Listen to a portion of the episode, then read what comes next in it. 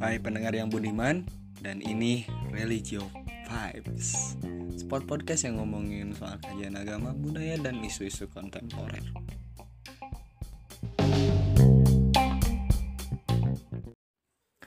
Menurut data sensus penduduk tahun 2010, 87% penduduk Indonesia memeluk agama Islam. Sisanya 7% Protestan, 3% Katolik, 1,7% Hindu, 0,7% Buddha, 0,05% Konghucu, dan 0,45% memeluk selain agama resmi yang diakui di Indonesia. Hmm, mungkin yang 0,45% kita bisa asosiasikan itu sebagai para pemeluk agama lokal atau para penghayat kepercayaan kali ya. Dan dengan data tersebut kita bisa melihat bahwa Islam memang menjadi agama mayoritas di Indonesia. Atau bahkan ada yang menyebutkan Indonesia disebut sebagai negara dengan penduduk muslim terbesar di dunia. Tapi kita pun pada akhirnya harus menanyakan sesuatu yang cukup spesifik untuk kita pahami. Pertanyaannya, penduduk Indonesia yang mayoritas muslim itu menganut Islam yang mana? Loh, emang Islam ada macamnya? Ada teman-teman. Dalam Islam ada istilah yang disebut firqoh atau aliran atau golongan. Secara historis kemunculan kemunculan aliran-aliran dalam Islam itu awalnya dipicu oleh sentimen politik sih sebenarnya. Namun pada perkembangan selanjutnya sentimen politik itu jadi sebuah aliran pemikiran yang ujung-ujungnya bermuara pada tataran dogmatis dan doktrin keagamaan. Pernah dengar istilah mutajilah? Jabariyah, Syiah, Qadariyah. Ya, itu adalah salah satu apa eh, beberapa contoh aliran kalam yang ada dalam Islam. Kembali lagi ke pertanyaan awal. Mayoritas muslim di Indonesia itu menganut Islam yang mana? Islam yang mana? Yang mana? Untuk menjawab itu kita mesti melihat dulu sejarah bagaimana Islam bisa masuk ke Indonesia. Kalau dalam buku-buku sejarah ada banyak tuh teori yang menyebutin bagaimana proses masuknya Islam ke Indonesia. Seenggaknya ada tiga teori besar tuh. Kalau teman-teman tahu yang terkenal. Pertama ada teori Gujarat atau India. Teori itu nyebutin bahwa e, Islam dibawa oleh para pedagang Muslim dari Gujarat pada abad ke-13. Terus teori kedua ada teori Mekah. Teori ini nyebutin bahwa Islam dibawa oleh para pedagang Arab pada abad ke-7 Masehi. Terus yang terakhir ada teori Persia. Teori ini nyebutin bahwa Islam dibawa oleh para pedagang asal Persia pada abad ke-13 Masehi. Sebenarnya aku juga jadi bertanya-tanya sih kenapa kenapa dibawanya oleh para pedagang gitu? Ataukah karena berdagang itu adalah salah satu sunnah Nabi? Mungkin. Oke kita ketika kita bicarain soal penyebaran Islam di Indonesia juga kita pasti bakalan langsung diingatkan kepada peran orang alim yang dikenal dengan Wali Songo kita tahu bahwa Wali Songo menyebarin Islam di Indonesia itu nggak kayak proses penyebaran Islam di Jazirah Arab gitu. Tahu kan? Kalau di Jazirah Arab itu eh, penyebaran Islam itu dilakukan melalui ekspansi wilayah. Tetapi Wali Songo melakukan penyebaran Islam di Indonesia itu dengan cara pendekatan budaya yang mengakibatkan ciri khas tersendiri itu terhadap corak keislaman di Indonesia. Yakni Islam yang yang adaptif yang mudah beradaptasi gitu. Serta ramah terhadap budaya Nusantara gitu. Jadi Islam di Indonesia itu sebenarnya nggak nggak anti terhadap budaya budaya pribumi gitu budaya lokal gitu. Sebab ketika Wali Songo nyebarin Islam di Indonesia juga kan mereka pakai pendekatan budaya gitu pakai pewayangan pakai cerita rakyat misalkan. Banyak lah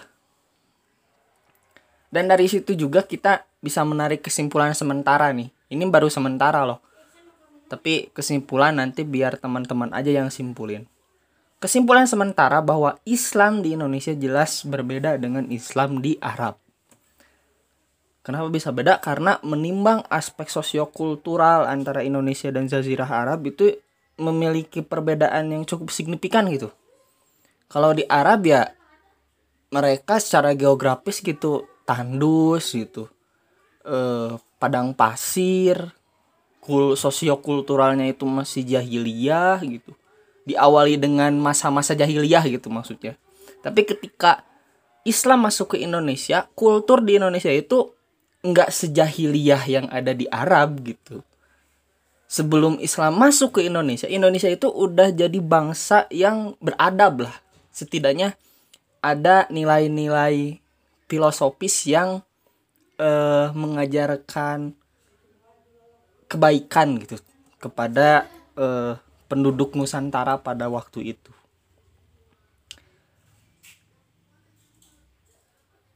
Mengingat Islam di Indonesia juga dari segi mazhab fikih di Indonesia itu mazhab fikih yang kita anut di Indonesia itu memakai mazhab fikih yang empat yang empat itu pakai mazhab Imam Syafi'i, Imam Hambali, Imam Hanafi sama Imam Maliki serta menganut aliran kalam Ahlus Sunnah wal Jamaah yang berdasar pada pemikiran Al-Asy'ari dan Al-Maturidi. Nah, jawaban untuk pertanyaan kenapa uh, jawaban untuk pertanyaan tentang mayoritas muslim Indonesia itu nganut Islam yang mana dijawab bahwa Islam yang dianut oleh mayoritas muslim di Indonesia ternyata adalah Islam Sunni atau Islam Ahlus Sunnah wal Jamaah. Kita kita mungkin sering sering, dengar gitu lo aswaja. Ya aswaja. Ahlus sunnah wal jamaah ahlus sunnah wal jamaah. Berarti ya sunni gitu itu salah satu sebutan lain untuk eh, mereka yang nganut paham ahlus sunnah wal jamaah mereka disebut sebagai kelompok sunni gitu kayak gitulah tapi pertanyaan selanjutnya adalah apakah semua muslim Indonesia adalah penganut ahlus sunnah wal jamaah? Sayangnya enggak. Jadi Islam, agama Islam itu adalah agama mayoritas di Indonesia. Tetapi para penganutnya yaitu muslim beda-beda tuh nganut Islamnya. Jadi jadi enggak enggak cuma ahlus sunnah wal jamaah Oke? Sampai situ dulu. Aku mau bahas salah satu uh, peristiwa nih. Pernah dengar kasus konflik antara Sunni Syiah di Sampang di Madura? Kalau belum pernah, itu kasus konflik yang terjadi uh, antara kelompok Sunni dan kelompok Syiah. Itu tuh kejadiannya kisaran tahun 2012 2012 kalau nggak salah di Sampang di Madura. Kalau pengen tahu lebih lanjut ya browsing-browsing aja lah nanti. Tapi secara garis besar konflik itu terjadi karena stigma warga Sunni di sana di Sampang yang menganggap bahwa kelompok Syiah di sana itu sesat. Atau bahkan ya bukan cuma di Sampang sih. Kayaknya gitu ya, kayaknya kayaknya nggak nggak cuma di Sampang aja yang yang e, menganggap memiliki stigma bahwa e, Syiah itu sesat. Bahkan di Indonesia sendiri stigma bahwa Syiah itu sesat udah jadi semacam eh apa ya?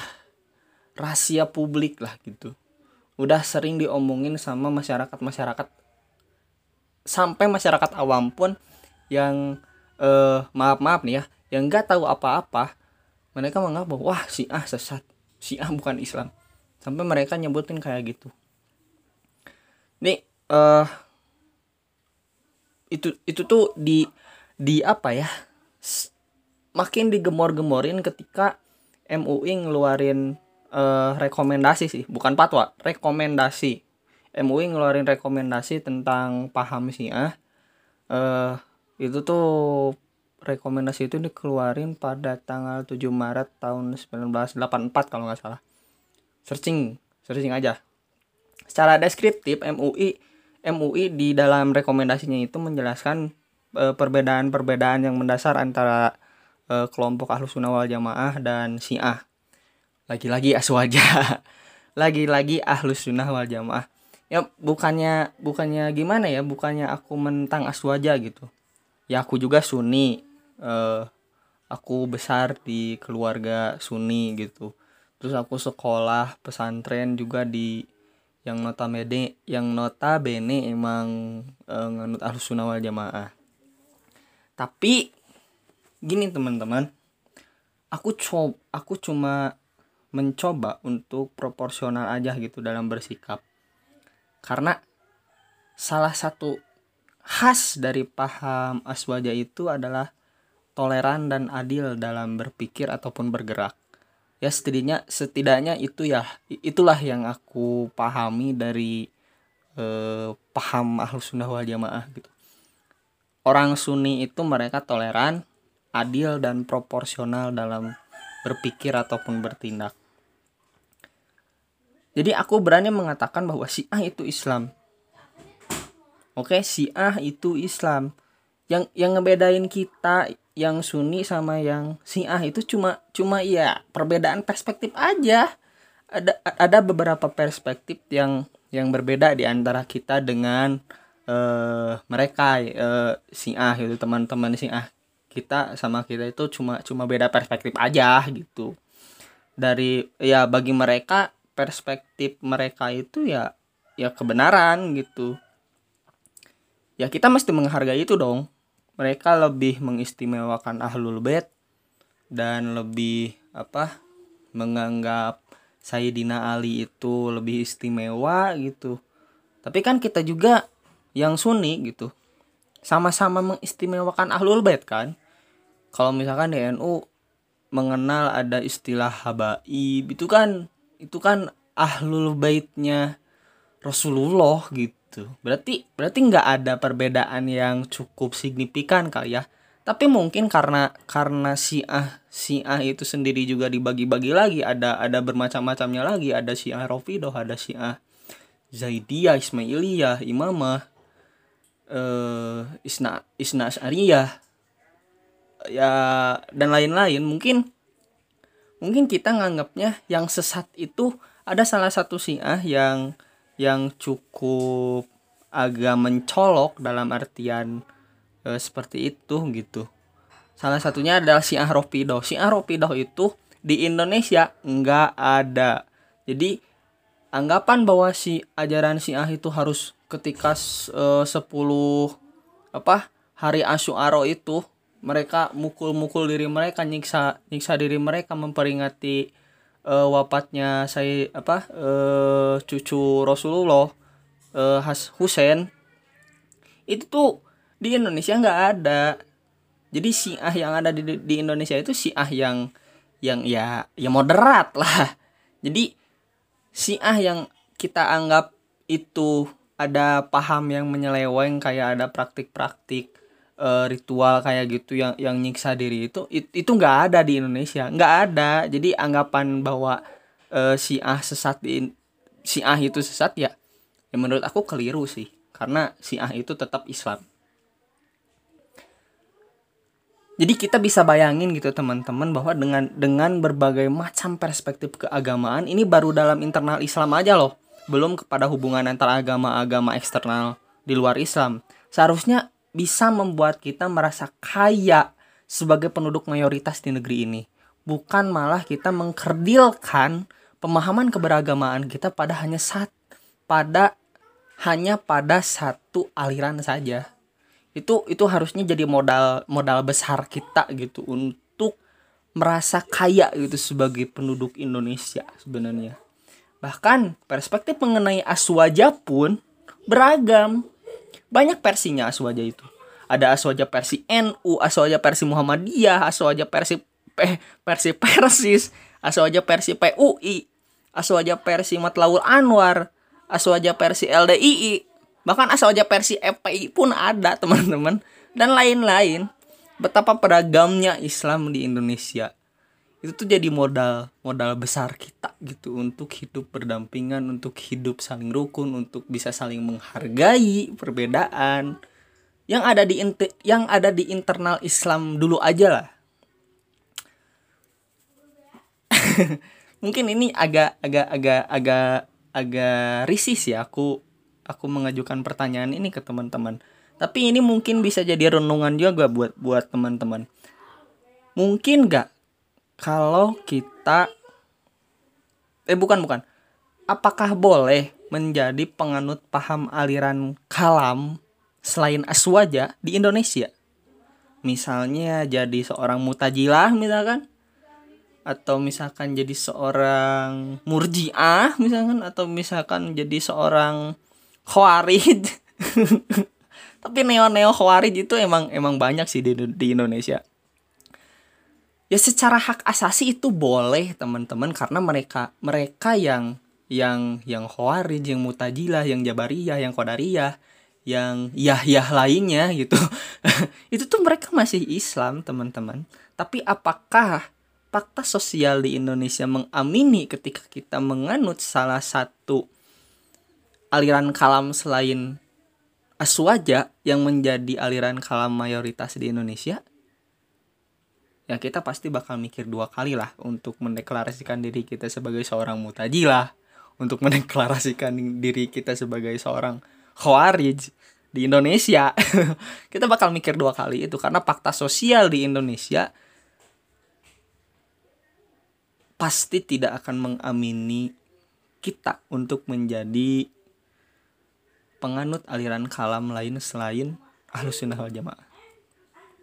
Ya pada akhirnya kita sebagai penduduk mayoritas di Indonesia mesti berbenah diri di internal kita sendiri aja sih sebelum mengurusi rela relasi eksternal agama-agama. Bila menjadi sunni membuat kita merasa superior terhadap aliran-aliran lain dalam Islam, berarti Islam rahmatan lil alamin belum merata tuh ya terlepas dari adanya legitimasi hadis yang mengatakan bahwa Islam akan terpecah menjadi 73 golongan dan yang selamat hanya satu yaitu ahlus sunnah wal jamaah. Ya kita bisa merenungan kembali sih tapi dalam konteks keindonesiaan. Yang terpecah itu Islamnya atau ahlus sunnah wal jamaahnya. Itu